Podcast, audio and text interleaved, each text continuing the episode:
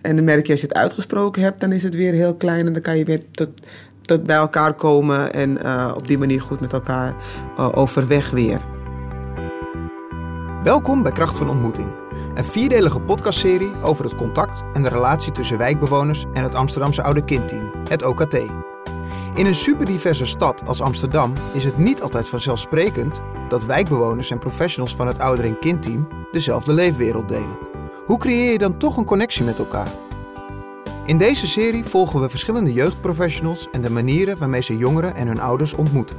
En proberen we samen met hen te onderzoeken waarom het zo belangrijk is om te investeren in ontmoeten. In deze aflevering gaat onze reporter Edwin naar een basisschool in Zuidoost, waar we praten met oude kindadviseur Natasja en Jessica, directrice van Stichting Citara. Het oude kindteam en Citara hebben de handen ineengeslagen en een bijzondere samenwerking met elkaar opgezet rondom het programma Het Huis, dat Citara op basisscholen aanbiedt. Het huis maakt kinderen weerbaar en bewust van hun eigen positie en kracht. Het OKT begeleidt kinderen en gezinnen in de school. Natasja en Jessica werken met elkaar samen om wat kinderen leren in de training ook te laten landen in de sociale omgeving op school. Daarnaast helpt het OKT Stichting Citara met het contact met ouders. Samen gaan het OKT en Citara in tegen gevoelens van afstand in een wijk waar professionals en bewoners elkaar niet altijd vanzelfsprekend vinden. Onze reporter gaat langs bij Stichting Citara, waar hij spreekt met Natasja, oude kindadviseur, en Jessica, directeur van de stichting. Citara heeft een bijzonder programma, Het Huis, dat zij in samenwerking met oude kindteams aanbieden op scholen. Van directeur Jessica van der Luit ben ik benieuwd te horen wat zij ons kan vertellen over het huis. Het huis is een uh, preventieve weerbaarheidstraining die ontwikkeld is voor kinderen die opgroeien in uh, wijken met hoge diversiteit.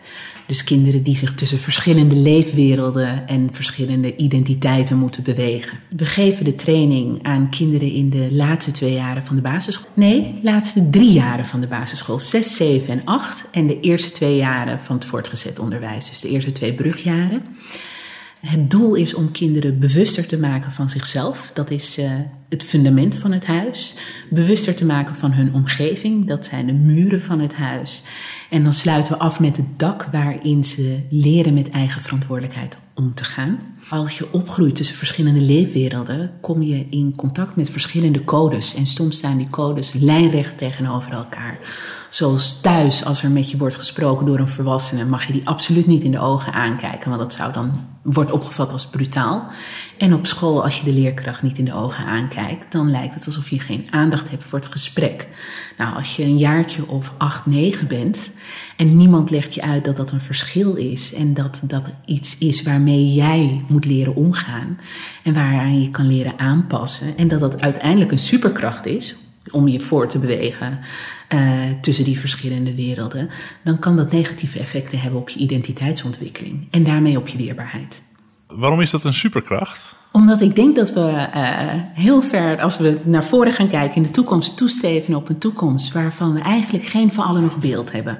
We zijn nu, hebben we ook nog opleidingen die misschien over een jaar of vijf al helemaal overbodig zijn.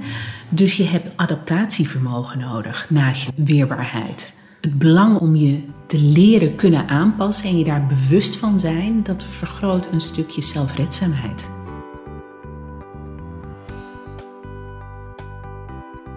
Het huis richt zich primair op kinderen, maar neemt de sociale context mee.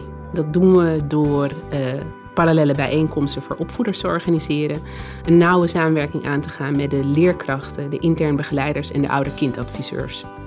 Ook ontvangen we rolmodellen uit de wijk als onderdeel van het huis. Citara werkt hierbij samen met oude kindteams in Amsterdam. Daarom spreek ik ook met oude kindadviseur Natasja. Toen ik hier eh, binnenkwam bij jullie, zag ik eh, een poster met daarop vier pijlers. Die pijlers zijn verbinden, versterken, laagdrempelig en aansluiten. Zegt dat ook iets over de wijk waar ik nu ben? Want wat voor wijk is dat? Het is een hele multiculturele wijk, dus ik werk samen met uh, verschillende culturen. En ook met uh, mensen met verschillende uh, achtergronden, religie en eigen manier van opvoeden. Je hebt minimuminkomen je hebt mensen die geen legale status hebben hier. Je hebt verschillende culturen, je hebt religieachtergronden. Op verschillende gebieden komt dat terug. En in de hulpverlening merk je dat natuurlijk ook.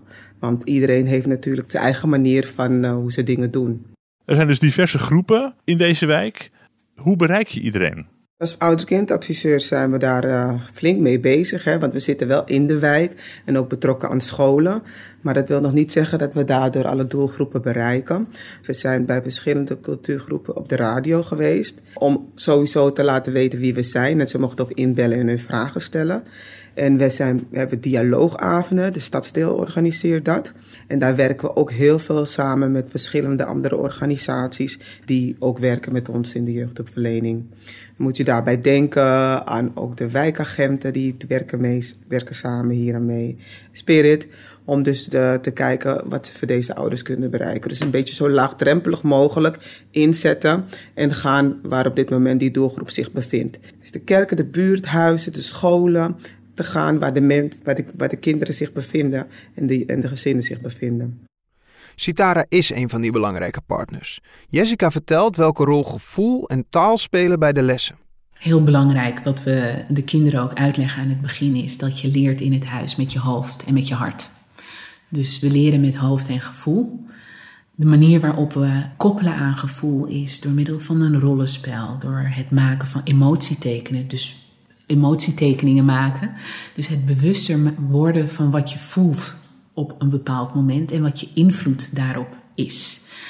In les 12 nodigen een rolmodel uit die dan aan de hand van zijn of haar verhaal die koppeling maakt. Dus wat heeft het hem of haar opgeleverd? Hoe en maakt hij gebruik daarvan, van die thema's? En hoe heeft hij het opgroeien tussen die verschillende werelden uh, zelf ervaren? En wat wil hij dan nog delen? Taal gebruiken we met name om te komen voor woorden voor die ervaringen die veel van deze kinderen al uh, heel vaak hebben ervaren, gevoeld, meegemaakt, uh, maar waar ze nog geen woord op kunnen plakken. Een mooi voorbeeld daarvan is dubbel bewustzijn. Dat hebben we geleend uh, van W.E. Dubois. Double consciousness, dat is een term die hij begin 1900 heeft geïntroduceerd, die tot het besef kwam dat hij in Thuis was hij zichzelf en een complete identiteit. En op het moment dat hij zijn drempel overstapte uh, en de wereld tegemoet trad, uh, plakten mensen labels op hem op basis van zijn uiterlijk. Dat is een stukje uh, realiteit waar veel van onze leerlingen ook mee te maken hebben. En dat zijn vaak niet positieve associaties die er op deze leerlingen worden geplakt. Eentje die we hebben gehoord is dat een leerling heeft gezegd: ik hoef me niet, geen zorgen te maken over school, want ik vind toch geen baan, want ik ben zwart. En ik hoor er niet bij. Dan zorg je ook al voor een gefragmenteerde identiteit. Want dat kind is zich van een heleboel dingen nog niet bewust, maar krijgt via uh, nieuwskanalen, social media, uh, topics in de maatschappij een bepaald beeld voorgeschoteld waar hij of zij al mee moet dealen. In hoeverre zijn de volwassenen en de leerkrachten om die leerlingen heen bewust van die labels die leerlingen krijgen? Wat we zien, uh, want het heeft twaalf lessen, maar daarnaast hebben we drie opvoedersbijeenkomsten omdat we weten dat ouders uh, en opvoeders in de meest brede zin ook met deze thema's te maken hebben en vaak ook nog op zoek zijn naar antwoorden. En om het gesprek thuis goed op gang te kunnen brengen. Dus dan hebben we bij identiteit hebben we, voor identiteit hebben we een opvoedersbijeenkomst. Voor waarde en normen hebben we een opvoedersbijeenkomst. En voor uh, eigen verantwoordelijkheid hebben we, een eigen, uh, hebben een aparte bijeenkomst waar ouders in gesprek gaan en een gedeelte van de oefeningen doen die we de kinderen uh, in de training geven. Daarnaast hebben we na iedere les een terugkoppeling over de groepsdynamiek en het thema. en dat gaat naar de leerkracht toe. Het kind staat wel centraal in de training, maar het kind zelf kan de verandering niet maken. Dus het moet breed gedragen worden. Dus dat betekent dat we opvoeders erbij betrekken, de leerkracht erbij betrekken, dat we het ouder-kindteam erbij betrekken in de vorm van de OKA van de school, de ouder-kindadviseur op school en de intern begeleider uh, of zorgcoördinator erbij betrekken. Na iedere les is er een terugkoppeling, een mondelinge terugkoppeling naar de leerkracht. Uh, want die moeten we ook af en toe uh, eventjes in een andere uh, positie krijgen. Ook logisch, een hele grote workload, grote klas. heeft ook met verschillende leefwerelden te maken, maar ook om die uit te nodigen naar een nieuw perspectief. en dan vertelde ik dat we de zorgcoördinator, intern begeleider en de oude kindadviseur ook spreken. En dat doen we drie keer. Dus je kijkt goed naar alle betrokken partijen? Ja, ja. Want die moeten, moeten af en toe ook in de activatiestand. Uh, en, en weer even ook, mogen ook wel wat bewuster. De tijden zijn veranderd. Zo hebben vrijwel alle leerlingen tegenwoordig social media en moest er tijdens de coronapandemie voornamelijk online les worden gegeven. Zorgde dat ook voor een verandering in de afstand tussen ouders en leerkrachten? Nou, ik denk dat, dat de afgelopen periode met het uh, online lesgeven veel meer heeft blootgelegd dan alleen social media. Wat ik heel verrassend vond, was dat heel veel docenten aangaven dat ze, uh, doordat ze nu een kijkje kregen, letterlijk uh, in de woonkamer of in het huis, dat ze dingen zagen waar ze zich eerder nog niet bewust van waren. Hoeveel mensen er bijvoorbeeld in een relatief kleine woning wonen hoe anders dat in bepaalde gezinnen georganiseerd is. Dat ouders dus uh, niet over de vaardigheden beschikken waar ze van uitgaan, bijvoorbeeld bij het helpen van, van het huiswerk. Ook in deze aflevering praat reporter Edwin met onderzoeker Elena Ponsoni. Hoe kijkt zij naar de samenwerking? tussen het oude kindteam en Stichting Citara. Wat ik bijzonder vind aan deze samenwerking is dat de ontmoeting plaatsvindt tussen twee organisaties die allebei hele andere krachten hebben en die dan weer samenwerken aan ontmoeting met weer andere. Uh, waarbij dus de school, de ouders, uh, de kinderen allemaal betrokken worden. Dus het zijn uh, in feite allemaal ontmoetingen tussen verschillende partijen die elkaar versterken. Dus je ziet een soort uh, keten van vertrouwen ontstaan. Dus er is sprake van ontmoeting in eerste instantie tussen twee organisaties, hè, die ook uh, beide in het jeugddomein zitten. En die ontmoetingen faciliteren ook tussen dat jeugddomein en uh, een school, die in het onderwijsdomein zit. En natuurlijk vindt er ontmoeting plaats tussen professionals, kinderen en ouders. Dus die verbinding tussen OKT en Citara maakt weer allerlei andere verbindingen mogelijk. Daar kom ik straks nog op terug. En nog een ander aspect dat ik bijzonder vind aan hoe Citara en OKT met elkaar samenwerken, um, is dat zij erin slagen om elkaar te versterken vanuit uh, verschillende expertises en posities. Ze hebben echt oog voor elkaars expertise, ze hebben oog voor de kracht uh, van elkaar, omdat ze ook echt de tijd hebben genomen om naar elkaar te luisteren en van elkaar te leren. En dat is helemaal niet vanzelfsprekend. Het OKT is een jeugdteam, dus een erkende institutie een organisatie dus direct vanuit de gemeente ingezet wordt om ouders en jongeren te helpen. Terwijl Citara, dat is een informele organisatie, dus een, uh, een grassroots organisatie die van onderop is ontstaan. Dus zij zijn gestart vanuit een uh, sociale beweging, eigenlijk een emancipatiebeweging, vanuit een behoefte die gevoeld werd binnen de gemeenschap van migrantenvrouwen in de jaren tachtig. Ze zijn inmiddels doorgeprofessionaliseerd, maar het is een organisatie die een heel ander soort expertise in huis heeft. En die expertise die is gegroeid vanuit de kennis en de leefwereld van de ouders en de jongeren waar zij mee werken. Dus ze hebben veel kennis van uh, die structuren van afstand, waar we het dan in, in andere afleveringen over gehad hebben, en van uitsluitingspatronen en van, uh, van ongelijkheid in de samenleving. Het is ook een uh, diverse organisatie uh, die die diversiteit ook uh, productief inzet om te reflecteren op die patronen van ongelijkheid. Dat vind ik heel mooi aan deze organisatie. En dan gaat het vaak om vormen van ongelijkheid die voor leerkrachten, voor professionals onzichtbaar kunnen zijn, omdat zij een andere positie hebben en omdat zij dus minder te maken krijgen met die patronen van ongelijkheid. Ze hebben daar ook theoretische kennis over. Zo hoor je Jessica bijvoorbeeld spreken over double consciousness, wat een eh, begrip is uit de zwart-Amerikaanse eh, onderzoekstraditie die systematisch racisme in kaart ging brengen aan het begin van de vorige eeuw. En dit hebben ze nu uh, in hun programma verbonden met recente pedagogische expertise en kennis uit de ontwikkelingspsychologie. Maar zij brengen dus vanuit hun geschiedenis echt een andere expertise en een ander perspectief mee. Stichting Citara is dit jaar 35 jaar oud of jong geworden. Dus echt een, uh, een vrouw nu. Is begonnen als een emancipatieorganisatie, vrouwenemancipatie uh, in de tweede emancipatiegolf hier in Nederland, de gekleurde emancipatiegolf. En dat heeft ervoor gezorgd dat we een organisatie uh, zijn gestart vanuit een bepaalde behoefte die er speelde. We hebben ons door die 35 jaar heel organisch mogen ontwikkelen en zijn meegegroeid met de behoeften van de groepen die wij bedienen.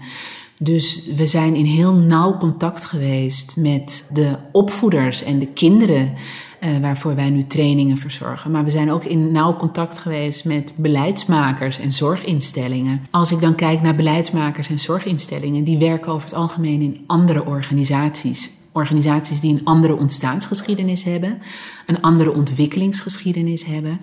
En daardoor misschien iets meer afstand hebben tot de mensen waarvoor ze werken. Ik denk dat het daarin belangrijk is om elkaars krachten en kennis te onderkennen en elkaar daarop aan te vullen. Uh, maar dat niet zo kort door de bocht te nemen als wij zijn een organisatie die dicht staat bij de doelgroep. Dus hebben jullie een blik mensen voor ons, want wij weten wel wat we met ze moeten. Wat je Jessica hier hoort zeggen is heel belangrijk. Want de samenwerking tussen zo'n organisatie die van onderop is ontstaan en een officieel jeugdteam zoals het OKT, die is vaak helemaal niet zo makkelijk vorm te geven. Dat heb ik ook gezien in mijn eerder onderzoek naar de samenwerking tussen migrantenorganisaties en jeugdhulp. En dat zie je eigenlijk steeds terugkomen in uh, ook andere onderzoeken naar dit type samenwerking. Er kunnen verschillende belemmeringen ontstaan in de samenwerking. Bijvoorbeeld uh, kan er sprake zijn van een ongelijkwaardige positie. Het OKT heeft natuurlijk een veel sterkere positie, meer automatische erkenning eh, voor de eigen expertise. Maar het is juist belangrijk dat er erkenning komt voor het verschil in expertise tussen de organisaties. Het kan ook zijn dat de twee partijen anders kijken naar de samenwerking en het doel van de samenwerking, waarom je met elkaar wil samenwerken. Een risico is bijvoorbeeld dat zo'n gevestigde organisatie, zoals het OKT, gaat denken: wij zijn hier de experts, wij zijn de professionals, we hebben de relevante en erkende expertise in huis, dus de pedagogische expertise om ouders en kinderen verder te helpen. Jullie bereiken juist de doelgroep. Uh, laat ons samenwerken zodat wij ook die doelgroep kunnen bereiken. Dus eigenlijk heel erg de ander inzetten als een verbindingsschakel. Dat uh, zie je soms gebeuren. En heel erg vanuit bereik gaan kijken, puur vanuit bereik eigenlijk. Zonder oog voor wat je ook zelf te leren hebt als organisatie. En zonder oog voor de expertise die de ander kan brengen. Een hele mooie die ik laatst heb gehoord, want wij uh, geven uh, uh, trainingen en workshops op gebied van inclusie en diversiteit, is in een gesprek met een organisatie die is gestart met de organisatie inclusiever te maken. Dat er werd aangegeven in de eerste brainstorm sessie, ja, maar inclusiviteit, dat gaat ten koste van kwaliteit. En daarmee, ik vind niet erg als mensen dat zeggen, want daarmee kan je het gesprek beginnen. Maar daarmee impliceer je dus dat wanneer je binnenhaalt wat niet op jou lijkt, dat dat ten koste zal gaan van kwaliteit. En je ziet dat dat een, een soort onbewuste gedachtenstroom is die heel breed gedragen wordt. Um, ik ben me heel gewaar van die realiteit. Ik ben daarin opgegroeid. En dat is ook een van de dingen die ik absoluut terug wilde laten komen in het huis. De dingen uh, die wij behandelen en waarvoor we dus nieuwe taal aan het zoeken zijn, omdat er nog geen taal op is. Dat zijn dingen waarvan ik gewoon bijna 100, nou ja, laten we zeggen 99% weet dat uh, het merendeel van de groepen uh, van de kinderen die wij trainen daar vroeg of laat mee geconfronteerd wordt. Wat ook belangrijk is aan wat Citara en het OKT met elkaar neerzetten op die scholen, is het feit dat hun aanpak niet alleen op de kinderen zelf is gericht, maar ook uh, op de omgeving waarin de kinderen in opgroeien. Dus het gaat verder dan alleen de ouders of de directe opvoeders. Het gaat echt om het verschil tussen een individuele aanpak, dus een aanpak dat gericht is op uh, het kind heeft een probleem, uh, hoe kunnen we haar het beste uit dit probleem helpen, en een groepsgerichte of uh, gemeenschapsgerichte aanpak. Dat is een aanpak dat meer gericht is op het uh, oplossen uh, en aanpakken van uh, gezamenlijke problemen. Dus wij als, als school, als wijk of als hele samenleving moeten leren het anders doen als we alle kinderen een mooie toekomst willen geven. Dat betekent dat je aan de ene kant, in dit geval kinderen en soms ook ouders, ondersteunt om een gezamenlijke beweging te maken, waarbij ehm, de kinderen bewuster worden van hun positie in de samenleving, of de ouders daar bewuster van worden. Dus echt bewust van ook de processen uh, die, ja, die hun kansen verkleinen. En ook bewust van de kracht die zij hebben om hier tegen in te gaan. Dus het echt leren navigeren van die omgeving ook. Hoe, hoe kan je zelf weerbaarder worden? Maar aan de andere kant moet het collectief uh, bewustzijn, dus dat bewustzijn die, die gezamenlijk is ontstaan, uh, vanuit de gemeenschap ook doordringen naar diegenen die er echt iets aan kunnen doen. Dus de schoolhoofd, leerkrachten, uh, de professionals uh, of beleidsmakers. En je hoort Jessica ook zeggen, de kinderen staan centraal. Hè. We willen de kinderen zelf weerbaarder maken. maar uiteindelijk de verantwoordelijkheid voor die verandering, die ligt eigenlijk niet bij de kinderen, maar in hun omgeving. Daarom is die link met de ouders, maar ook met de leerkrachten zo belangrijk. Maar ook met de interne begeleider, met de schoolhoofd, uh, met positieve rolmodellen uit de wijk. Maar ook met de school gezien uh, als een geheel, dus als een gemeenschap. Dus het idee uh, is dat alle betrokken partijen, bij wijze van spreken, van de beleidsmaker helemaal boven in de keten tot aan het kind, in beweging moeten komen. Een soort verandering door moeten maken. Wat er volgens mij moet veranderen in de omgeving is dat we moeten leren samenwerken. Uh, we moeten leren verkennen vanuit ons eigen standpunt. Je moet een vertrekpunt hebben als je wil samenwerken. Dus je moet je bewust zijn van jezelf, maar je moet ook onbevangen en openstaan naar de ander om daar vragen neer te leggen en daarmee in gesprek te gaan. Uh, ik denk dat dat uh, veel volwassenen nog niet doorhebben wat voor nieuwe realiteit of de mogelijkheid die we nu hebben om een nieuwe realiteit te creëren. Waar we eigenlijk met de kennis die we tot nu toe hebben, uh, hebben opgedaan als mensheid, om het maar lekker breed te maken, en de lessen die we hebben geleerd, om daar iets mooiers van te maken en iets dat, dat gelijkwaardiger is en waarin we ervoor zorgen dat alle kinderen mee kunnen komen en tot hun potentie kunnen komen. Ik geloof erin dat je kinderen niet alleen opvoedt. We leven in een individualistische maatschappij en dat heeft zeer zeker zijn pluspunten. Uh, maar ik zou graag een combinatie zien tussen een ik- en een wij-cultuur. Ik ben daartussen opgegroeid en ik denk dat dat een schat aan, aan vaardigheden met zich meebrengt, waaruit je mag kiezen. En dan ben je eigenlijk een cherrypicker als je bewust bent van en wij en ik. Het feit dat je groepsgericht te werk gaat, betekent ook dat je de kracht van de verbindingen en van de dynamiek in de groep gebruikt om gezamenlijk verder te komen.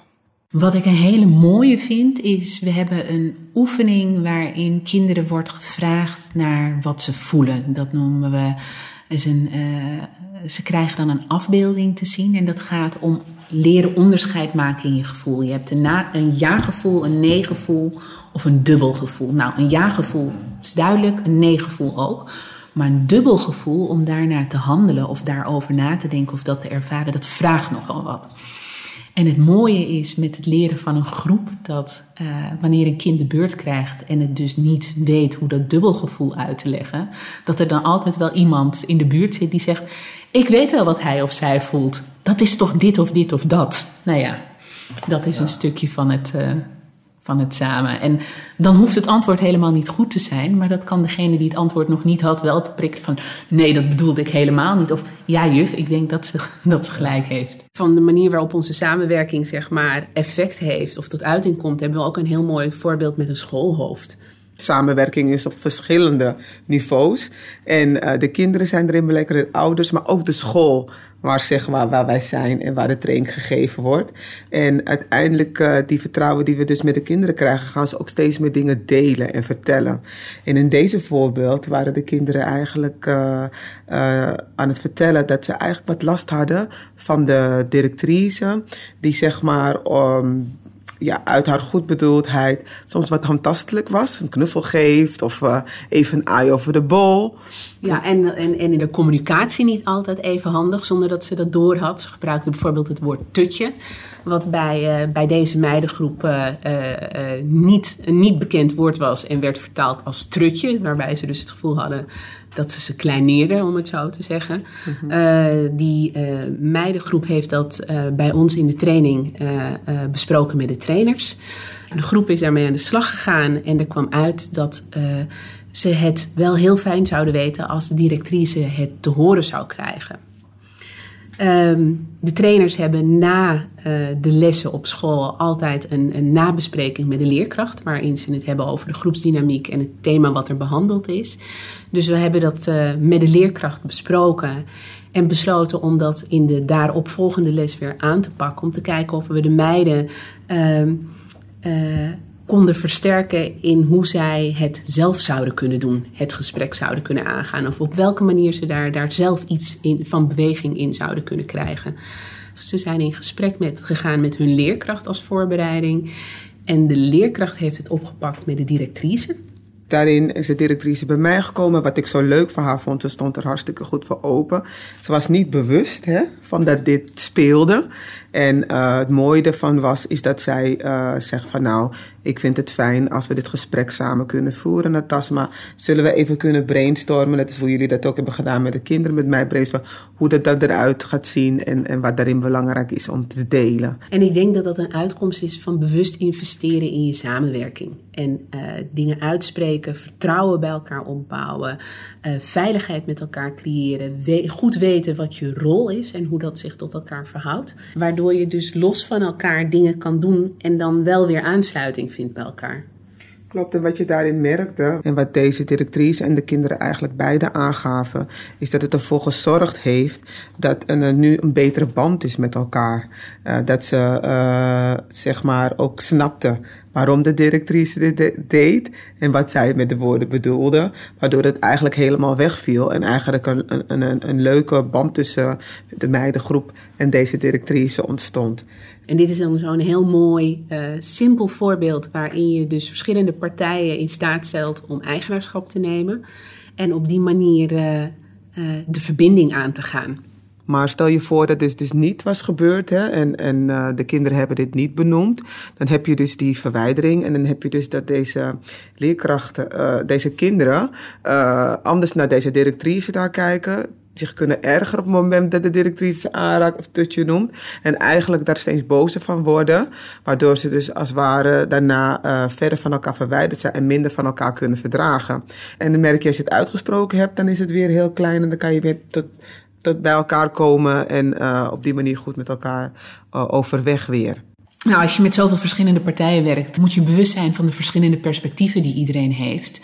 En is het belangrijk om ruimte te creëren uh, en een vertaalslag te maken, zodat al die perspectieven op tafel kunnen komen, met elkaar gedeeld kunnen worden, onderzocht kunnen worden, om vervolgens tot een oplossing te kunnen komen met z'n allen, waar iedereen zich goed bij voelt, waarin, waarin iedereen ook een actieve bijdrage heeft mogen leveren.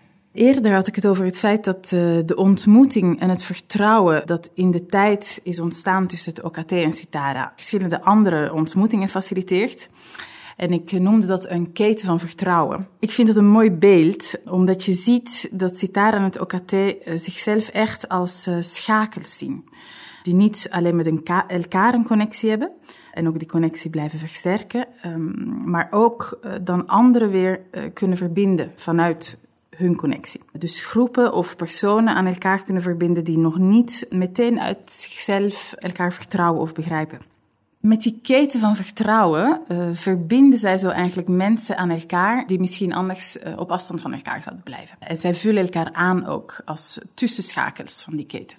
Citara kan de opening creëren, dus de opening over en weer, omdat zij juist die tussenpositie hebben. Dus ze gaan in gesprek met ouders, betrekken daar het OKT bij en vervolgens via het OKT betrekken ze het schoolteam.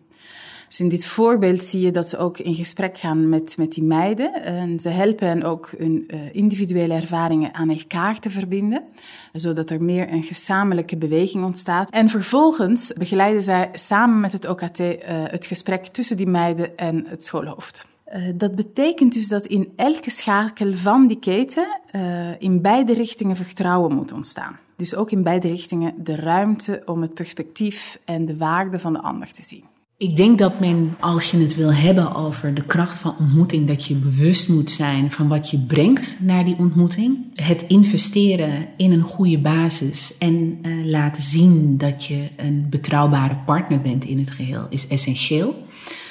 De volgende stap wordt om dan met elkaar een spreekwoordelijke ruimte in te richten waarin je uh, met elkaar in, in een ruimte van vertrouwen uh, misschien moeilijke en pijnlijke dingen met elkaar bespreekt. En elkaar daar ook op mag bevragen. Om juist in die spreekwoordelijke daring space dingen helder te krijgen, is het uh, belangrijk om als eerste samen te werken om dat vertrouwen uh, neer te zetten. Wij hebben dan de OKA, die een min of meer neutrale positie heeft. Uh, wij hebben een redelijke neutrale positie. Dan hebben we de opvoeders die een minder neutrale positie hebben. Uh, en dan heb je de school die een minder neutrale positie heeft. En wij hebben dat zo kunnen vormgeven dat wij als een buffer fungeren tussen die twee en als een brug. Dat we ons bewust zijn van onze rol, dat we bewust zijn van de gevoeligheden van de verschillende partijen en dat we de wil hebben om het beter te maken, dus daarvoor kiezen om te bemiddelen en samen te werken. Uh, ruzie maken kan altijd nog. En als dat moet, dan doen we dat ook, maar daar willen we niet mee beginnen. En het liefst helemaal, helemaal niet mee uh, beginnen. Ook heel belangrijk is de relatie tussen de ouders en de school. Dat is wat je bij veel ouders ziet. Ouders hebben al meegemaakt dat zij een lager schooladvies hebben gekregen dan dat ze gewend zijn. Um, en dan heb ik het niet over wat waar is en niet. Dan heb ik het over ervaringen die mensen vormen. En op het moment dat het eerste signaal daarop is dat dat gebeurt met je kind, schiet je in paniek. En het eerste wat je doet is, ja, nou ja, dan moet het harnas aan en dan ga je ten strijden.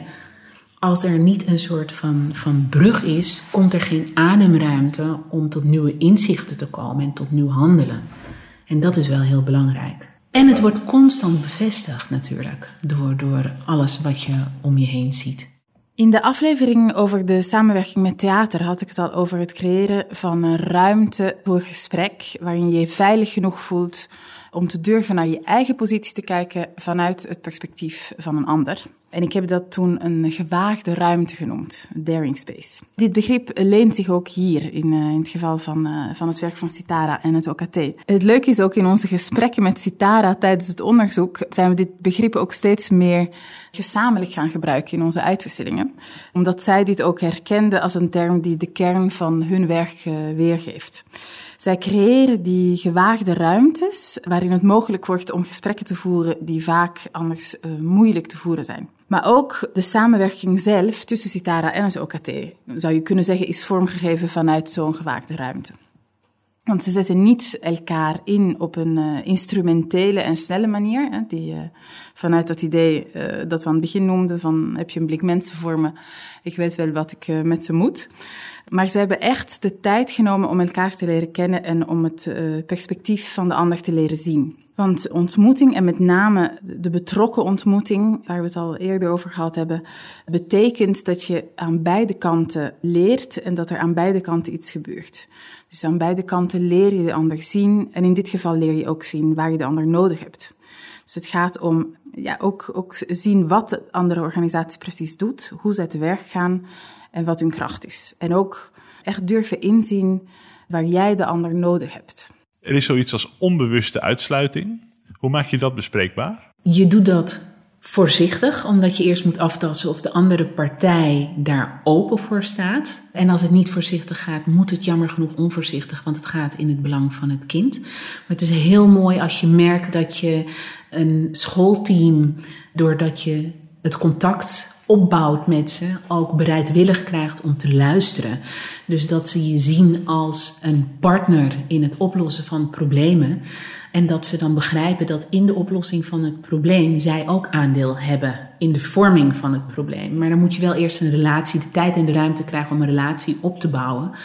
Want het is nogal wat om je uh, uh, onbewuste patronen die zo'n nadelig effect kunnen hebben op anderen, om je daar bewust van te worden. Het is niet makkelijk. Ja, want hoe kom je daarachter? Want ze zijn onbewust. Ja, door het, door het van een ander die je vertrouwt te horen. Wat is inclusie voor jou? Wat betekent het? Als je terugdenkt aan de brugklas en je eerste schoolfeest dan had je daar een DJ en er was er een dansvloer en iedereen hing er maar een beetje omheen. En op een gegeven moment beginnen er een paar kinderen te dansen. Dat zijn meestal de kinderen die, nou, de wat stoere uitgesproken kinderen. Inclusie is voor mij dat ik op zo'n feestje word uitgenodigd. Dat ik het gevoel heb dat ik naar de DJ toe mag lopen om een verzoekplaatje aan te vragen wat ik leuk vind. En dat ik vervolgens me zo op mijn gemak voel om daar ook op te kunnen dansen met anderen dat is inclusie. Het feit dat ik uh, als gelijkwaardig word gezien en met mij vele anderen. En inclusie uh, uh, is niet alleen kleur, maar dan heb ik het ook over ability. Dan heb ik het over neurodiversiteit. Dan heb ik het over gender. Dan heb ik het over geaardheid en voorkeur. We leven met een heleboel verschillende mensen en ik denk dat iedereen iets bijzonders te brengen heeft. Sommige groepen moeten daar wel voor uitgenodigd worden, omdat ze onbewust worden uitgesloten door de norm. Je luisterde naar de derde aflevering van Kracht van Ontmoeting over het contact tussen jeugdprofessionals en wijkbewoners. Deze podcastserie werd gemaakt door de Vrije Universiteit, Hogeschool in Holland en het Verwij Jonker Instituut in samenwerking met het Oude Kindteam in Amsterdam en partnerorganisaties. In de volgende aflevering praat reporter Edwin Kleijs met oude kindadviseur Monique Landsheuvel in de Amsterdamse Bijlmer over de training Het begint bij mij, waarmee ze met ouders in gesprek gaat over wie zij zijn als opvoeders. Er is ook een website, krachtvanontmoeting.nl. Daar vind je meer informatie over de podcast, interessante artikelen en ondersteunende opdrachten voor studenten van opleidingen Social Work en Pedagogiek. Ook kun je hier als jeugdprofessional meer informatie vinden over de werkwijze van het Oude Kindteam.